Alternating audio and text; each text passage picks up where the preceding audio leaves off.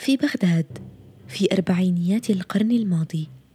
كان والد بياتريس يأخذها إلى محطة البث الإذاعي. وبحسب اتفاق مع أستاذها لتقدم برنامجا مدته خمسة عشر دقيقة. يضاء المصباح الأحمر منبها الطفلة الصغيرة بياتريس للاستعداد. ثم الضوء الأخضر منذرا إياها بالبدء.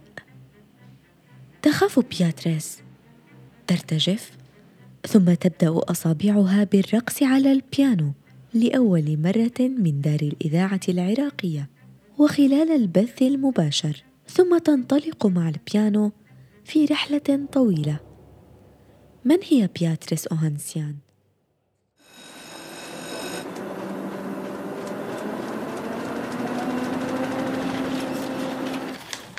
عنب بلدي بودكاست.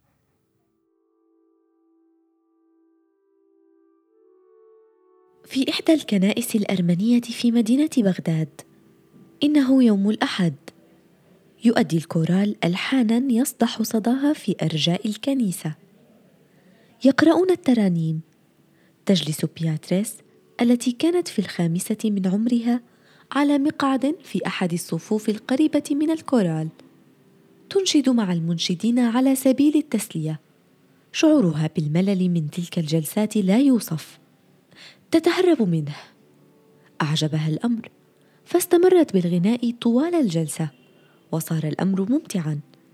بدأت والدتها تلاحظ هذا الاستمتاع على وجه بياتريس.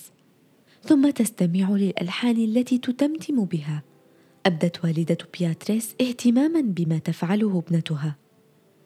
تحدثت مع زوجها واتفقا على بلورة هذه الموهبة التي اكتشفوها في ابنتهما.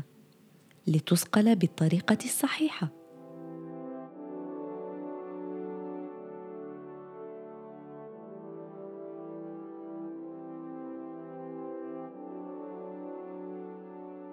بياتريس ولدت في العراق. والداها هاربان أرمنيان. هاجرا من تركيا إلى العراق. والدها محاسب في شركة نفط موظف بسيط. لكن له هواية يمارسها إلى جانب عمله فهو يعزف على آلة الفلوت شقيق بياتريس عازف أيضا على آلة الكمان وهو عازف موهوب ومشهور في الوسط الفني وهو أكثر من شجعها ودعمها. والدتها أيضا صاحبة ميول واضحة للفن والموسيقى كانت تجيد العزف على آلة الماندولين. وكان أبواها مصرين على تدريبها بشكل احترافي. أمسكت الأم يد بياتريس وأخذتها مسرعة لتبحث عن مدرسة ابتدائية تعطي حصصا للموسيقى. هي مهتمة بتحصيل ابنتها العلمي واهتماماتها الفنية التي تبرع بها. وأخيرا وقع الاختيار على مدرسة تعطي دروسا في الموسيقى بالإضافة إلى الحصص التعليمية الأخرى. كانت تلك المدرسة هي مدرسة الراهبات في بغداد. سيدتي ابنتك بياتريس ما زالت صغيرة على دروس الموسيقى. لكنها ستكون ممتازة. إنها موهوبة صدقيني إنها في الخامسة من عمرها. لم نفعلها سابقا. لم نقبل بانضمام طفلة بهذا العمر. اجعلي ابنتي استثناء لهذه القاعدة. لن تندموا على هذا الشيء. سأجري لها اختبارا صغيرا ثم ندرس الموضوع. تبين بعد الاختبار أن الفتاة الصغيرة تملك سرعة حفظ مذهلة.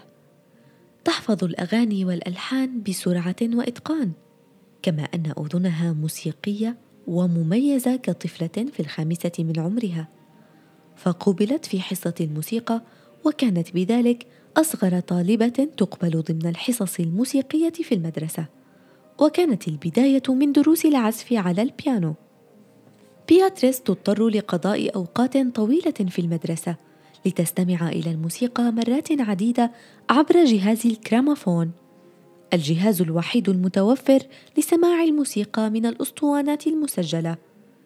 تتدرب على الغناء استعدادا لأداء الأغاني أمام المعلمة الراهبة صباح اليوم التالي. وتستخدم بيانو المدرسة لتتدرب على الألحان المختلفة ليكون أداؤها جيداً.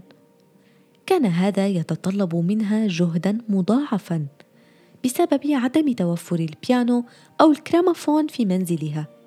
وقضاء الوقت الطويل في المدرسة كان مرهقا. بياتريس تعمل جاهدة لتتعلم العزف والغناء لكن هذا يسبب لها إرهاقا شديدا. ألاحظ هذا. ابنتي تعود في وقت متأخر إلى المنزل وتقضي الوقت في المدرسة للتدريب. منذ ثلاث سنوات وهي على هذا الحال. أنا معجبة بما وصلت إليه من خبرة في العزف على البيانو. لا أريدها أن تنقطع عن التدريبات في منتصف الطريق. وافقك الرأي. موهبتها تثير الإعجاب. سنضطر إلى الاختيار بين راحة ابنتنا وموهبتها. سأشتري لها هذه الآلة. عن ماذا تتحدث يا رجل؟ إن سعرها مرتفع جدا. سأجمع هذا المبلغ من مرتبي الشهري. علي شراؤها ليس لدي حل آخر. جمع الوالدان ثمن البيانو بعد عناء طويل. استمر لأشهر. قفزت الصغيرة فرحا تدور في مكانها وتدور حول الآلة التي أخذت مكانها وسط غرفة الضيوف. بدأت بالعزف والعزف إنها فرحة تحقيق الأحلام.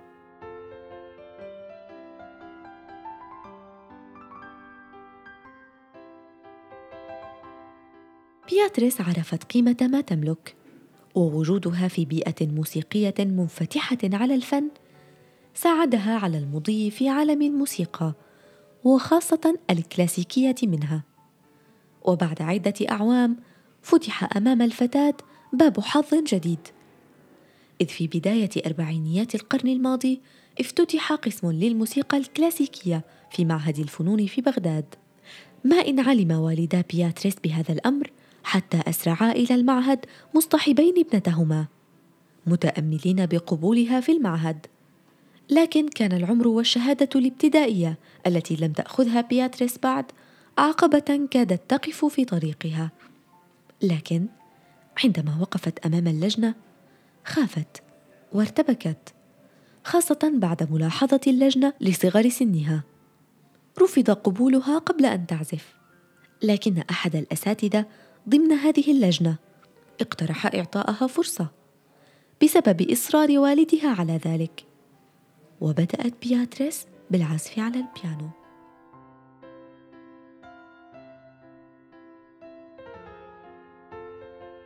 توقف صوت البيانو وسط ذهول من اللجنة. لم يروا طفلة تشبه بياتريس بطريقة العزف. إعجابهم بها أخضعهم لرغبة والديها. وتم قبولها أخيرا في المعهد.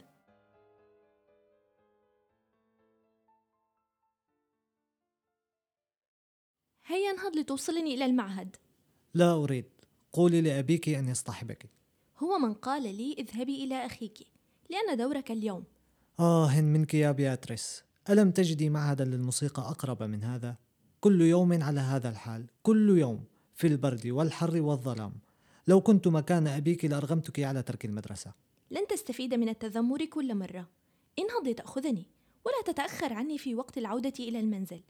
فأبي يأتي على موعده لكن عندما توصلني أنت أشعر بالجوع الشديد حين أنتظرك. أوف ماذا عساي أن أقول؟ مدللة أبيك. اضطرت بياتريس لقطع مسافات طويلة سيرا على الأقدام لأن المعهد كان في مكان بعيد. ولا تتوفر وسيلة نقل توصل إليه بسهولة. لكن هذا لا ينفي سعادتها بوجودها في المعهد والدراسة فيه.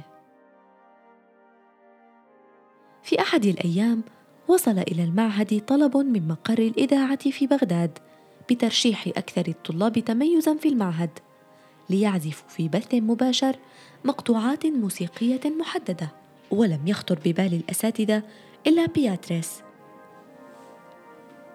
أخبروها برغبتهم أن تذهب وتقدم المقطوعات التي تتقنها وذهبت في الموعد المحدد مع والدها وكان أستاذها في الإذاعة ينتظرها. بدأ الخوف عليها عندما وصلت خاصة عندما رحى المعلم يشرح لها ما عليها فعله. الطفلة الآن تعزف عبر البث المباشر خمسة عشر دقيقة متواصلة. في الوقت الذي كان والد بياتريس ووالدتها يدعمانها كان الناس والجيران ينتقدوها بشدة معتبرين أن هذا العمل لا يناسب النساء. لكنها كانت مصرة وعائلتها كانت تدافع عنها في كل الفرص.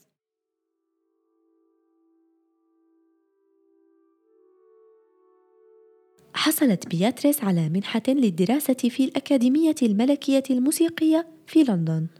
وبعد تخرجها من هناك حصلت على منحة أخرى في نيويورك لكنها كانت تريد العودة إلى العراق. برغم من الأصوات الكثيرة التي حدثتها عن ضمان المستقبل في أمريكا إلا أنها سمعت صوتا داخليا واحدا صوتا في روحها يدعوها لتعود إلى العراق فعادت. كان ذلك عام 1961 وبقيت في العراق حيث أصبحت عازفة البيانو الرئيسية للأوركسترا الوطنية العراقية. وشغلت هذا المنصب ما يقارب ثلاثين عاما. وقالت إنها احتفظت بأشرطة تسجل العروض التي قدمتها. لكن هذه العروض يتخللها صمت طويل أحيانا بسبب انقطاع الكهرباء بشكل مستمر.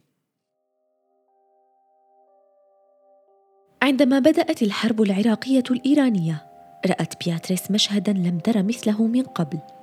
رأت جنودا عراقيين يسيرون إلى الحرب. كانت المرة الأولى التي ترى بياتريس بداية حرب بعينها.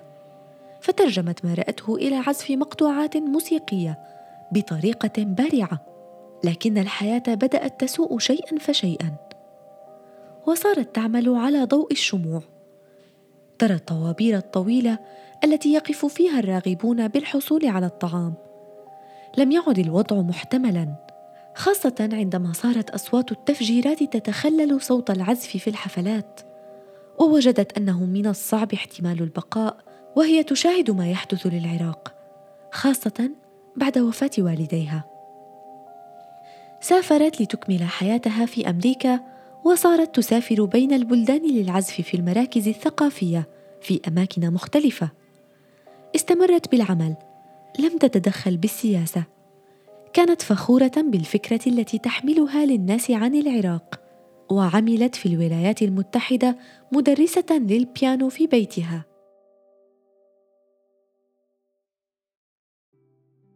عام 2008 في الولايات المتحدة كما عاشت بسلام ونشرت السلام من خلال موسيقاها. رحلت بياتريس بسلام عن عمر ناهز واحدا وثمانين عاما.